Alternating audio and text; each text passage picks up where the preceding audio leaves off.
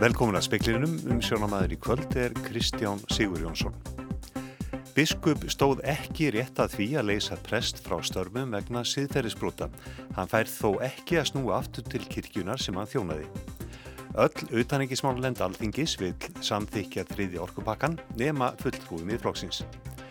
Fimm fjölskyldur frá Sýrlandi, alls 23 flótamenn, komið til Íslands í dag. Fjölskyldurnar eignast ný heimili á Kvamstanga.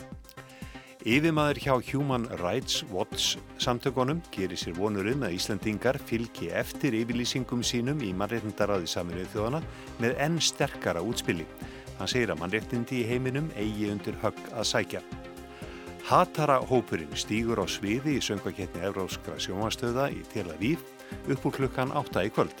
Hann er nú með 13 í rauðinni en útsending hefst klukkan 7.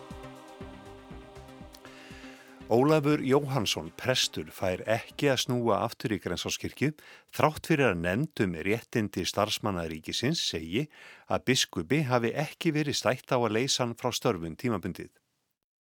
Agnes Sigurðardóttir biskup veitti Ólafi Jóhansinni, sóknarprest í Grensáskirkju, laust frá störfum í desember.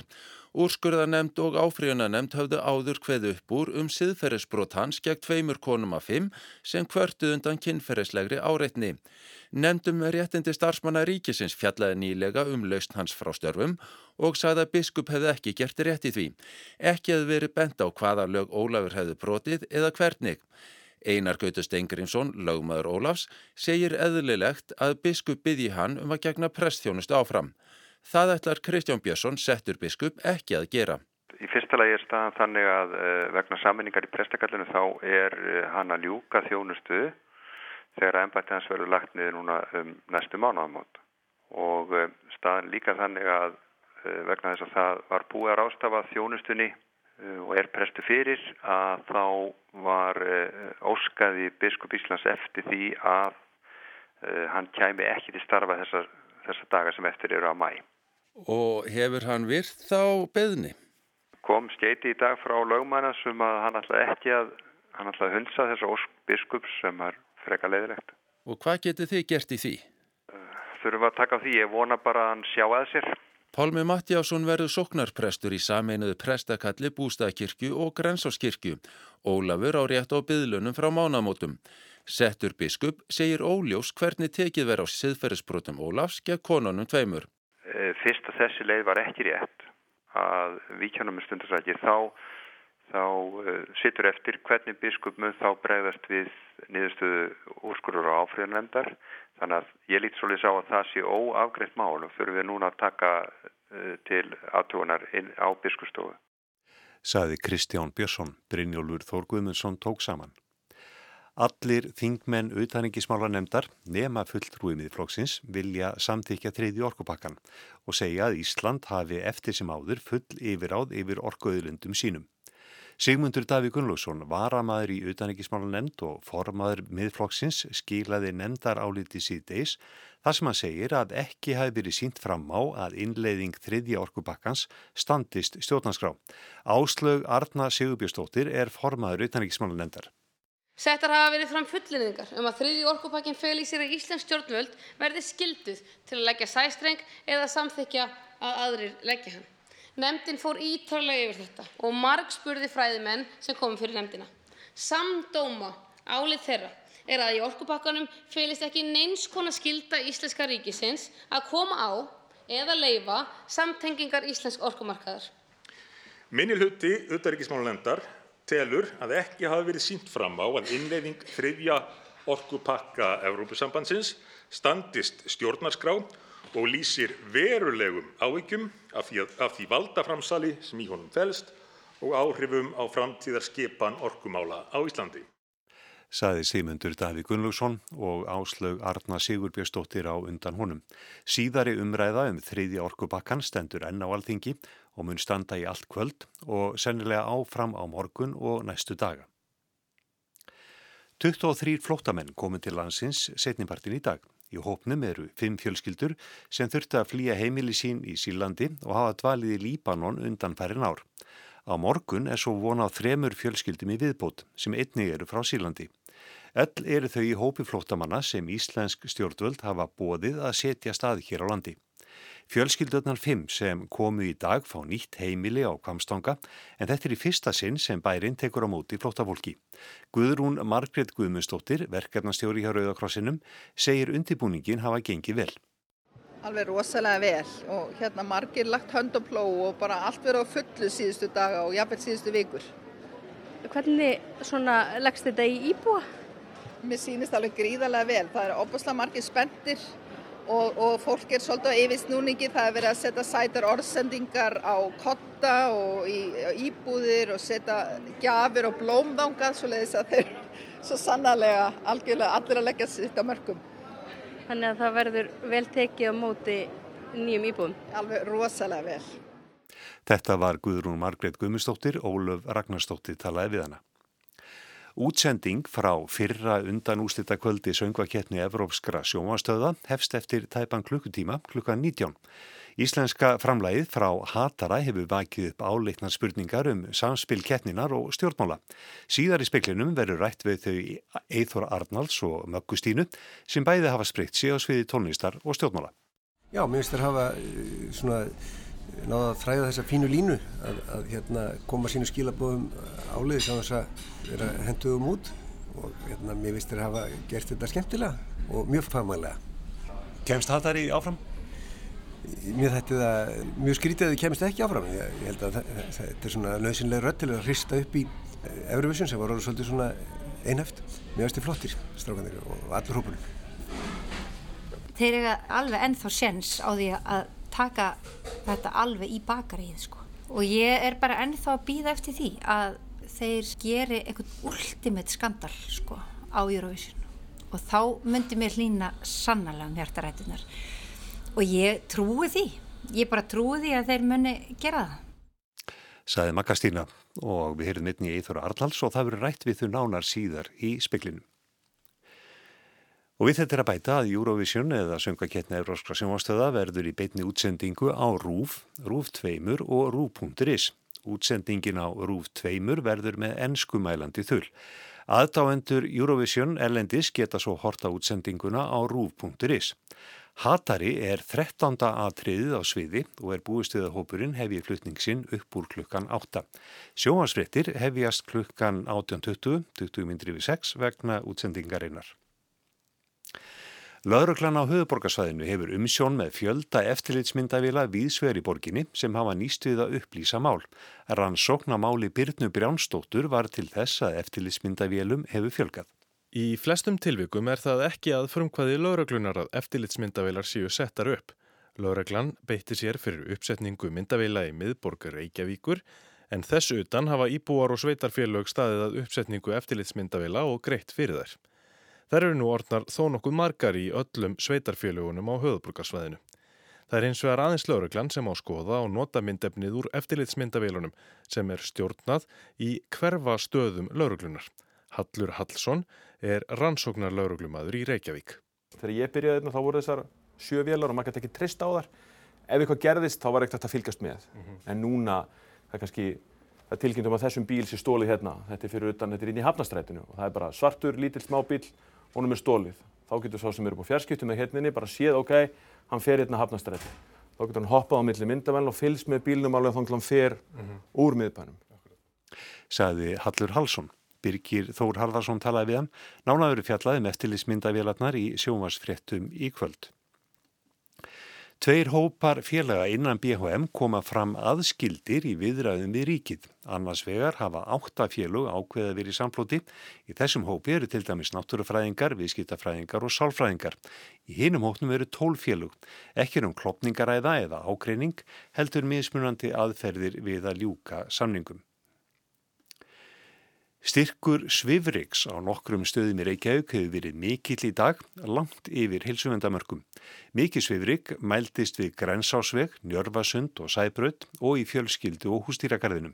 Að sögn heilbriðis eftirlits Reykjavíkur er ástæðan sandfók frá Suðurlandi. Veðustofan gerir ráð fyrir svipuð veðri næsta sólaringin og í dag því má gera ráð fyrir að styrkur Svifriks verði mikill á morgun. John Fisher, yfirmaður Genfar skrifstofi Human Rights Watch samtakana, vonar að Íslendingar geti fyllt eftir yfirlýsingu í mannreitnindaráði saminuð þjóðana um Sáti Arabíu og ástandið á Filipsegjum með álíktunum sem sé enn sterkara útspil. Mannreitnindi eigi undir höggasækja í heiminum og útganga bandaríkjana úr mannreitnindaráðinu hafi alvarlegar afleðingar. Ísland tók sæti í mannréttindaráði saminuðu þjóðana í byrjun árs eftir að bandaríkjumenn sögðuð sig úr því í júni í fyrra og hafa síðan þá látið til sín taka. Evrópuríki í mannréttindaráðinu með Íslandi fararborti kröfðust þess að yfirvöldi í Sáti Arabíu sleftu baráttu fólki fyrir mannréttindum úr haldi og síndu samstars vilja við alþjóðlega rannsókn á morði á bladamanninum Jamal Khashoggi.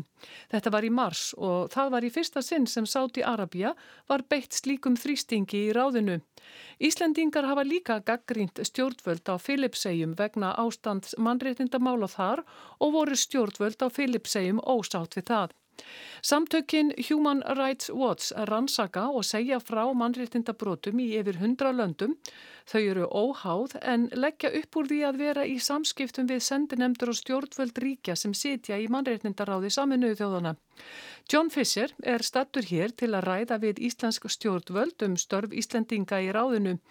Hann segir að mannréttindi eigi undir höggansækja í heiminum. Fyrir 60 til 70 árum hafi ríki heims samþygt alþjóðlega mannréttinda yfirlýsingu og núna sé hún í hættu. Það sé mikið áhyggjuefni að bandaríkin hafi kerfispundið dreyið sig út úr alþjóðlegu samstarfi. There's no question this is a difficult time for human rights globally and for the international human rights framework itself. Uh, I mean, 60, 70 years ago, states around the world committed to the core principles of the Universal Declaration of Human Rights, and today those core principles are under threat. We have been very concerned that, uh, that the US has been systematically turning its back and pulling out of uh, multilateral bodies.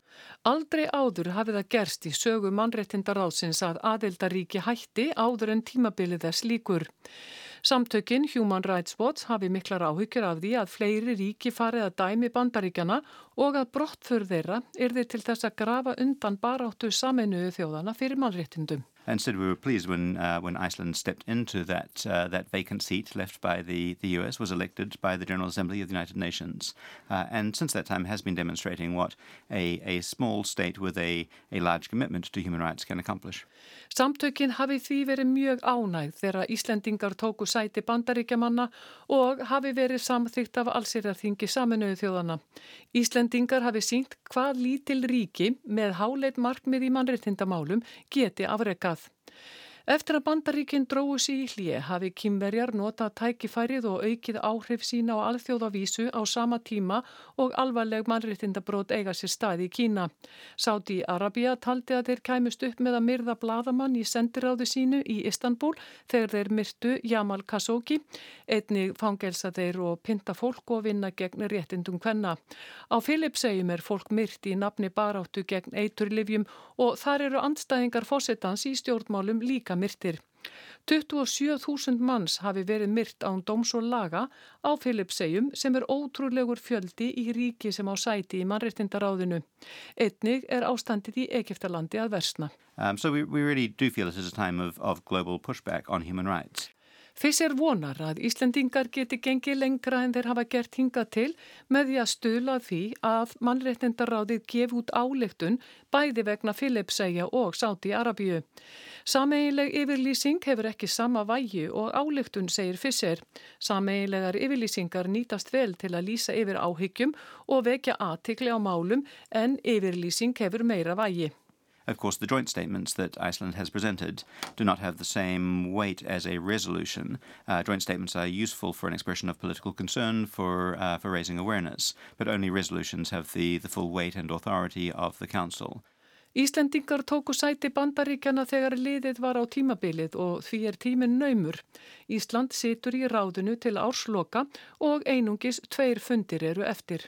But what we feel would be really significant is if Iceland were able to follow through on its joint statements with resolutions on, on the Philippines and Saudi Arabia, demonstrate to other states that meaningful change is possible even in a difficult uh, political climate.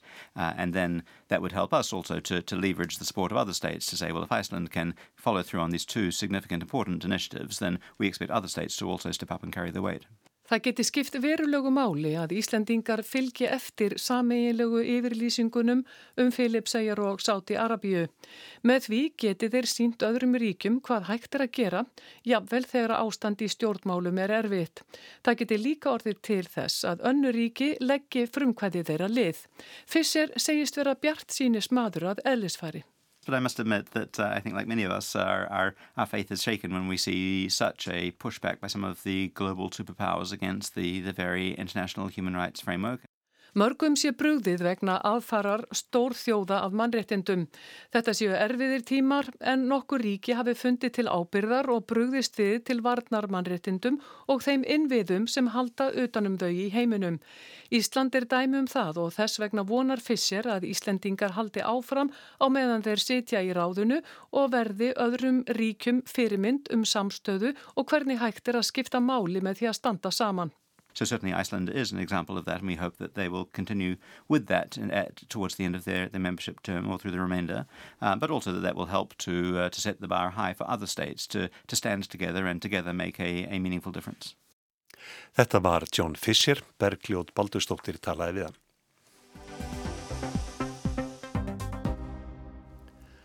Náttúruvendarsamtök Íslands skora á umhverfisáðra að beita sér fyrir því á vettvangi alþjóða siglingamálastofnunarinnar að notkun svartólju verði bönnuð á norðurslóðum. Í stjórnarsáttmála ríkistjórnarinnar kemur fram að stendskuli að banni í lagsögunni. Fundur umhverfisnefndar alþjóða siglingamálastofnunarinnar hófst í gæri lundunum þar sem rættur um leiði til að draga úr losun frá skipaflótunum. Alþjóða siglingamálastofnunin heyrir undir saminuð þjóðurnar og leiðir allar siglingaþjóður heims saman. Alþjóða siglingum eins og millilandaflugi er gert að taka til í sínum að ranni hvað var það losun gróðrúsaloftegunda.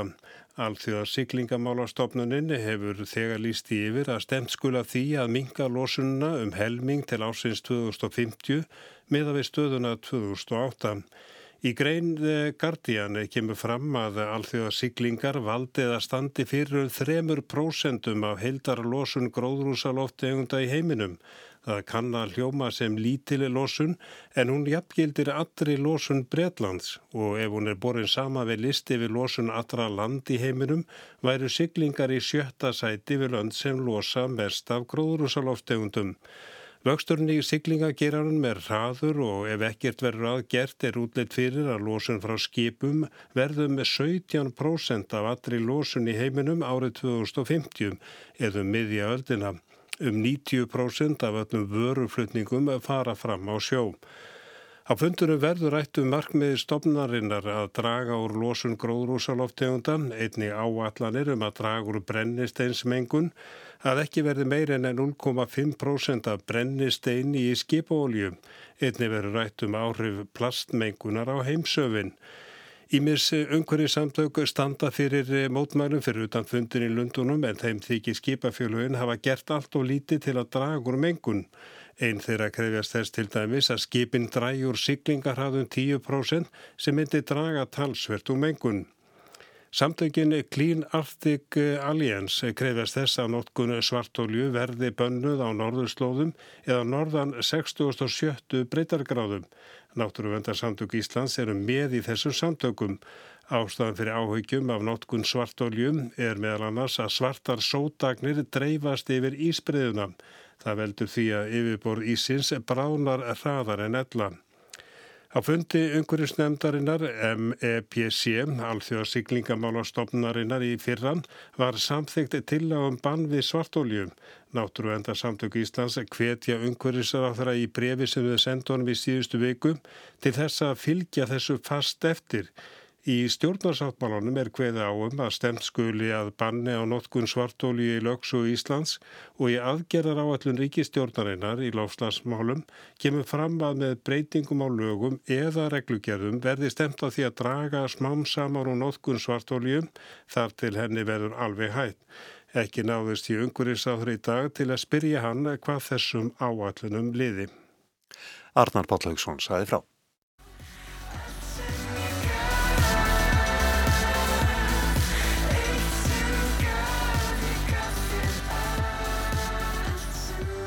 Hljómsveitin Hatari stýgur á sviði til að við í kvöld á fyrra undan úslita kvöldi söngvakettni Evróskra sjónastöða.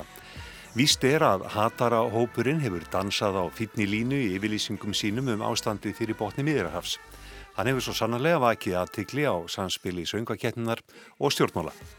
Speillin settist nýður með tveimur tónlistamönnum í dag, Karli og Konu, sem einni hafa látið til sín taka í pólitík og rætti við þau um þetta samspil.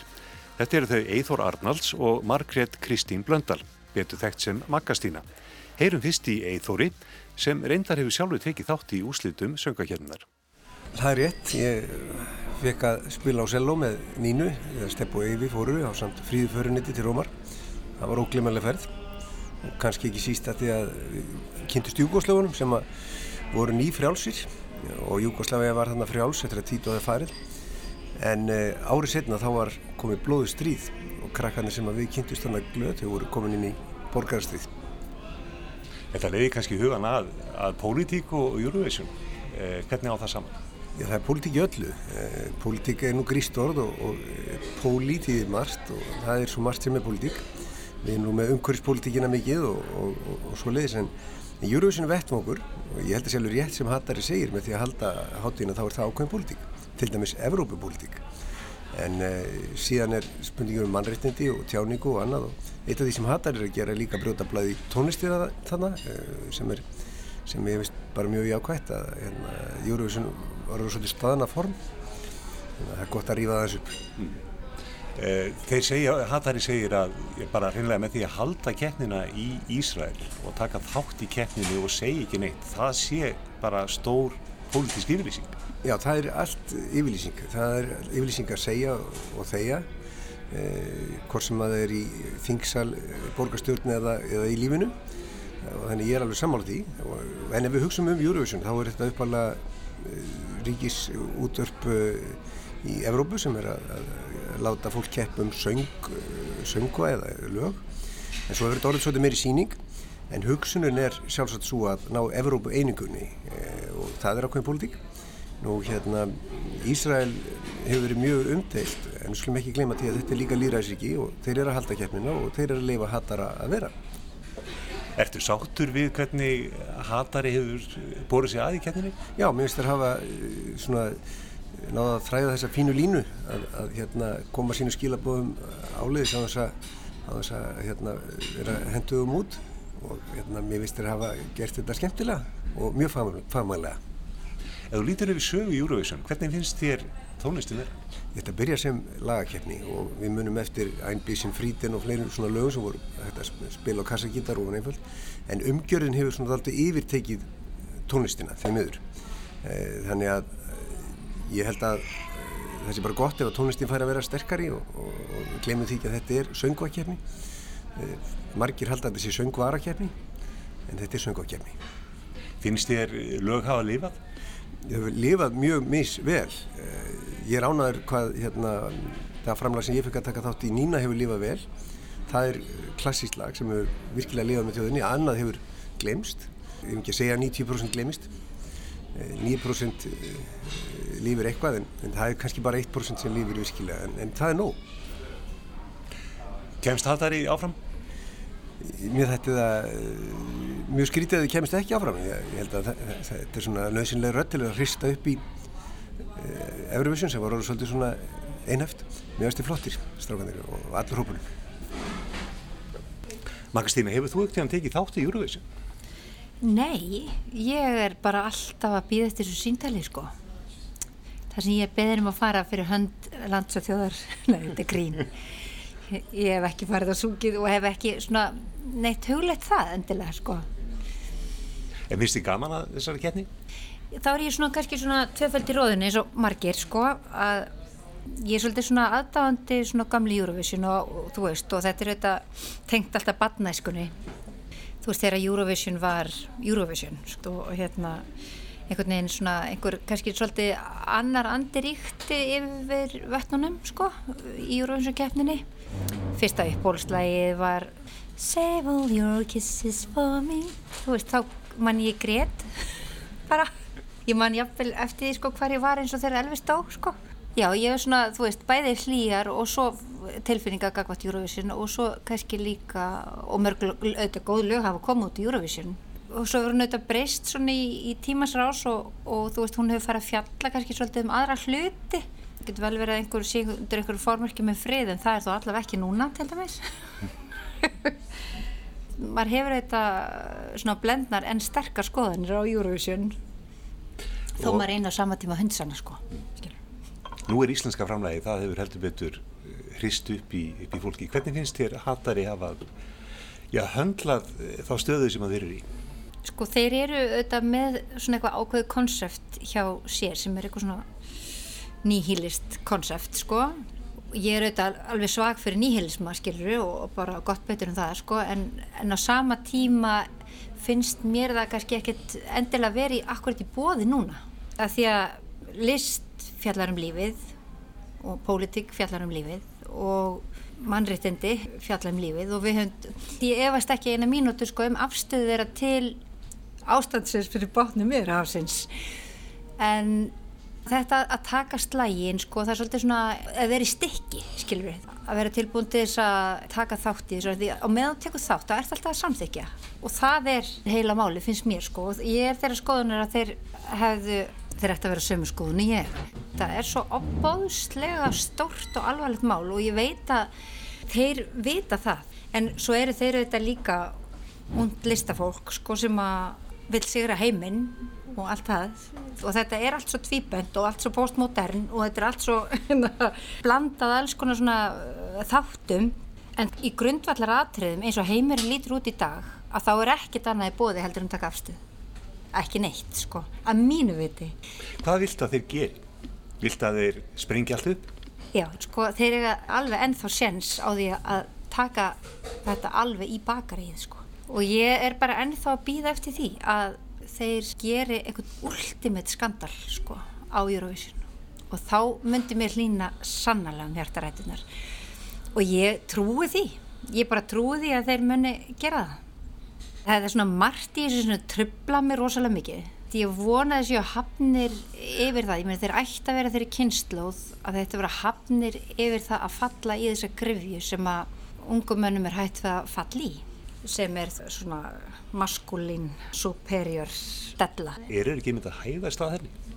Jú, en það verður að vera ansi skýrir með það líka. Og þetta annars vegar að tjá sig genum að kannski svolítið svona velrænt um það og það er ákveði konsept skiljur, þeir eru alveg svona flæktir í alls konar ismum og, og konseptum sko. Og bara setja alveg latex yfir það. Mér finnist það magnað ef að þeir springi svo út með þetta konsept með því að taka bara algjara afstöðu sko snappa bara á lokakvöldinu skilur þú heldur ekki að ekki kvöld veit ekki. Nei, ég held þeir, ég held þeir vilji spila þetta til enda. Ég vona þeir ætla ekki bara að, þú veist, láta sér ganga ábúrslega vel í kemminni, heldur munið þeir sko sprengja sábúkúruna með felli. Þannig ég stið á helsjóður því. Hatrið mun sigða! Og þarna heyriðum við í Möggustínu, Margreði Kristínu Blöndal og áður í Eithóri Arnalds. En það var helst í speklinum í kvöld að biskup stóð ekki rétt að því að leysa prest frá störmum vegna siðferðisbrota. Hann fær þó ekki að snúa aftur til kirkjunar sem hann þjónaði. Öll utaningismála nefnd alþingis vil samþykja þriði orkupakkan nema fulltrúi miðflóksins. Fimm fjölskyldur frá Sýrlandi, alls 23 flóta menn komu til Íslands í dag. Fjölskyldunar eignast ný heimili á Kvamstanga. Yfirmaður hjá Human Rights Watch samtökunum gerir sér vonur um að Íslendingar fylgi eftir yfirlýsingum sínum í mannreitndaráði saminuðu þjóðana með enn sterkara útspili. Hann segir að mannreitndi í heiminum eigi undir högg að sækja. Og hatarahópurinn stýgur á svið í söngvakittni Evróskra sjónvarpstöðva í Tel Aviv upp úr klukkan 8 í kvöld. Hann er nummer 13 í rauðinni en útsending hefs klukkan 7. Það er ekki fleira í speklinum í kvöld. Tæknimaður var Marteit Martinsson. Verðið sæl.